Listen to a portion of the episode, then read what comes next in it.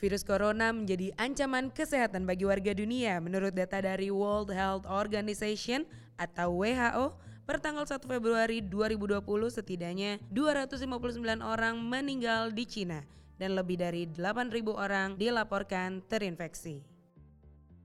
Sebenarnya apa itu virus corona dan kenapa ia menjadi momok yang mengerikan bagi banyak orang di berbagai belahan dunia? Pada podcast kali ini, saya Atletina akan mengajak pendengar semua untuk mencari tahu lebih tentang virus corona. Puluhan korban yang terinfeksi virus corona di Wuhan ditemukan pertama kali pada 31 Desember 2019. Pada korban yang terdiagnosis virus corona sebelumnya menunjukkan gejala yang mirip dengan pneumonia. Namun pemerintah Cina tidak dapat mengidentifikasi penyebabnya. Virus tersebut memicu kekhawatiran masyarakat, apalagi saat itu merebak isu bahwa mereka tengah menghadapi SARS.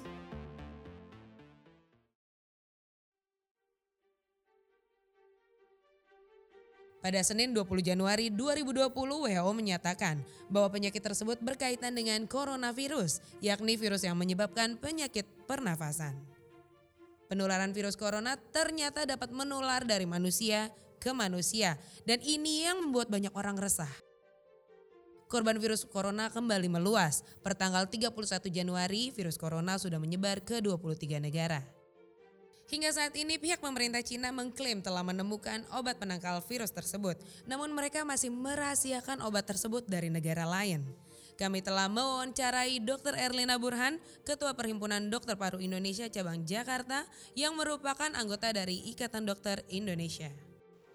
Uh, saya Dr. Erlina Burhan dari Rumah Sakit Umum Pusat Persahabatan di Jakarta dan juga saya adalah Ketua Perhimpunan Dokter Paru Indonesia Cabang Jakarta sekaligus staf pengajar di FKUI. Dr. Erlina Burhan menjelaskan awalnya virus corona ditemukan pada hewan seperti kelelawar dan kucing serta unta. Ya, jadi coronavirus ini adalah virus yang hidup pada hewan.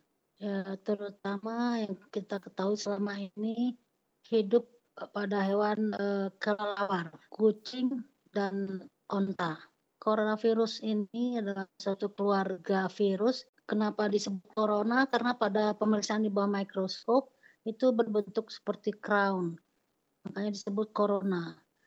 Eh, sebelumnya kita mengenal coronavirus ini penyebab dari penyakit SARS dan juga MERS-CoV. Nah, belakangan ini ketika ada wabah di Wuhan, itu ternyata penyebabnya juga coronavirus tetapi dengan uh, galur atau strain yang berbeda. Uh, yang berbeda adalah susunan atau struktur DNA dari virusnya.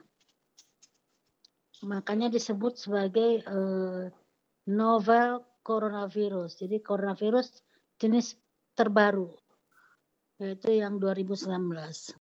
Virus corona menyebar luas dengan cepat. Salah satunya disebabkan oleh transmisi virus yang dapat menular dari manusia ke manusia. Nah, jadi duga dahulu transmisi penyakit ini dari hewan ke manusia dan uh, biasanya uh, menyerang uh, saluran nafas bagian atas. Akan tetapi kejadian yang ada di Wuhan pada tanggal 21 Januari menunjukkan bahwa terjadi penularan antar manusia. Indikasinya adalah bahwa ditemukan sekitar 15 tenaga medis yang teridentifikasi terjangkit penyakit coronavirus yang novel ini karena mereka merawat pasien-pasien yang uh, sudah uh, terinfeksi. Itulah makanya kemudian pemerintah Cina mendeklar atau menyatakan bahwa terjadi penyebaran atau transmisi penularan dari manusia ke manusia walaupun terbatas hanya pada kontak erat yang terus-menerus. Jadi antara pasien ke dokter atau mungkin antara pasien dan e, keluarga serumahnya ya. Pasien yang terinfeksi virus corona menunjukkan gejala yang mirip dengan pasien yang terinfeksi di saluran pernafasan. Perbedaannya adalah virus corona Wuhan, semua pasien yang terinfeksi memiliki riwayat perjalanan dari Wuhan. Oh ya, jadi saya ingin sampaikan bahwa e, gejala yang ditimbulkan oleh uh, coronavirus terbaru ini sama dengan infeksi saluran nafas akibat virus lainnya, yaitu uh, bisa berupa demam, nyeri otot, nyeri kepala, merasa lemah, sakit-sakit uh, sendi, dan disertai batuk dan bila mana sudah berat biasanya menimbulkan kesulitan bernafas atau sesak. Ya, ciri-ciri khususnya tidak ada karena sama dengan infeksi saluran nafas lainnya yang seperti saya sebutkan tadi. Tapi yang istimewa barangkali adalah bahwa ada biasanya riwayat perjalanan ke Wuhan atau dari Wuhan. Ini uh, terlihat dari data-data pasien-pasien di luar uh, Cina yang ditemukan di 13 negara lainnya semuanya punya perjalanan uh, ada riwayat perjalanan dari Wuhan. Jadi itu salah satu yang menjadi khas untuk ditanyakan. Ya, sedangkan untuk uh, diagnosis pastinya tentu saja dilakukan pemeriksaan uh, apus tenggorok yang kemudian diperiksa ke laboratorium uh, secara PCR yaitu melakukan pemeriksaan DNA. Suatu pemeriksaan yang uh, sophisticated yang cukup canggih dan bisa dalam 24 sampai 48 jam kita mendapatkan hasilnya.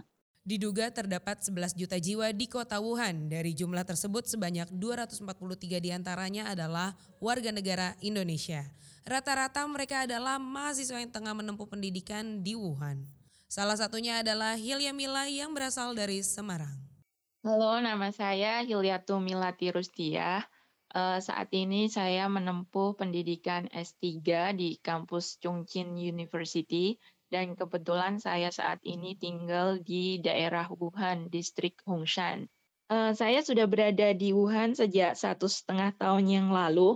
Jadi sebenarnya saya adalah mahasiswa di kampus Chongqing University, salah satu kota di samping Wuhan. Uh, tapi karena suami saya sejak tahun lalu itu mendapat beasiswa juga untuk kuliah di salah satu kampus di Wuhan. Akhirnya saya memutuskan untuk uh, tinggal di Wuhan bersama suami saya dan juga anak saya. Tetapi setiap bulan saya pergi ke Chongqing untuk absen dan juga menemui supervisor saya. Pemerintah Cina saat ini telah mengkarantina kota Wuhan. Akses dari dan menuju Wuhan ditutup sejak 23 Januari 2020. Pihak otoritas Cina juga memberikan himbauan bagi penduduk kota Wuhan terkait dengan penyebaran virus corona ini. Jadi himbauannya adalah satu, menghindari uh, aktivitas publik atau keramaian gitu. Terus kemudian dua, selalu memakai masker ketika keluar rumah. Ketiga, selalu menjaga sirkulasi udara di mana pun kalian tinggal. Kemudian kelima, itu harus mencuci tangan ketika uh, akan menyentuh diri sendiri atau setelah bersin atau setelah dari luar rumah seperti itu. Jadi untuk larangannya itu sebenarnya nggak ada yang dilarang kecuali ditutup uh, jalur transportasinya itu aja. Uh, pertama kali ditutup itu transportasinya tanggal 23. Ya, kalau saya sih karena saya tinggal di apartemen ya, jadi saya lebih leluasa jadi saya punya uh, ada TV dan ada laptop dan yang lain-lain. Jadi jadi saya lebih uh, terhibur lah dibanding teman-teman yang di asrama mungkin ya. Kalau di asrama kan tempatnya kecil, kamar gitu, satu kamar gitu. Jadi mungkin mereka rada sumpek gitu kali ya. Kalau saya di apartemen uh, karena satu rumah ya, jadinya saya lebih terhibur dan juga saya biasanya hiburan saya melihat aktivitas orang di luar rumah gitu. Jadi sekiranya ada suara di bawah apartemen gitu karena saya tinggal di lantai lima gitu. Kalau ada suara di luar saya langsung nengok ke jendela, lihat oh ternyata orang-orang pada di luar gitu. Di Indonesia sendiri ditemukan sejumlah suspek corona, beberapa di antaranya dinyatakan negatif corona dan beberapa lagi masih dalam tahap investigasi. Lalu, apa langkah yang paling efektif untuk mencegah penularan virus corona? Berikut penjelasan Dr. Erlina Burhan. Kita bersyukur bahwa virus ini belum ada e, menginfeksi orang Indonesia, tapi secara umum yang bisa kita lakukan adalah prevention atau pencegahan tentu saja dengan mengaplikasikan gaya hidup yang bersih dan sehat seperti cuci tangan, kemudian eh, meningkatkan imunitas dengan makan yang bergizi dan cukup, kemudian uh, cukup istirahat, jangan begadang, jangan merokok. Kalau ada orang yang batuk atau pilek atau semacam sakit flu lainnya, sebaiknya kita jangan terlalu dekat dan orang yang sakit itu kita minta memakai masker. Iya, jadi kalau orang terinfeksi dengan virus di saluran nafas, maka sebaiknya memang memakai masker karena masker itu cukup efektif untuk mencegah penularan. Kenapa? Karena kalau pasien tersebut batuk atau bersin, maka eh, virus-virus yang kemungkin eh, terdapat di dalam droplet yang dikeluarkan saat batuk dan bersin itu akan menempel di uh, masker bagian dalam, jadi tidak menginfeksi orang lain. Jadi ini cukup efektif. Menurut Dr. Erlina, dalam gejala ringan virus corona dapat disembuhkan dengan mekanisme alami sistem imun tubuh.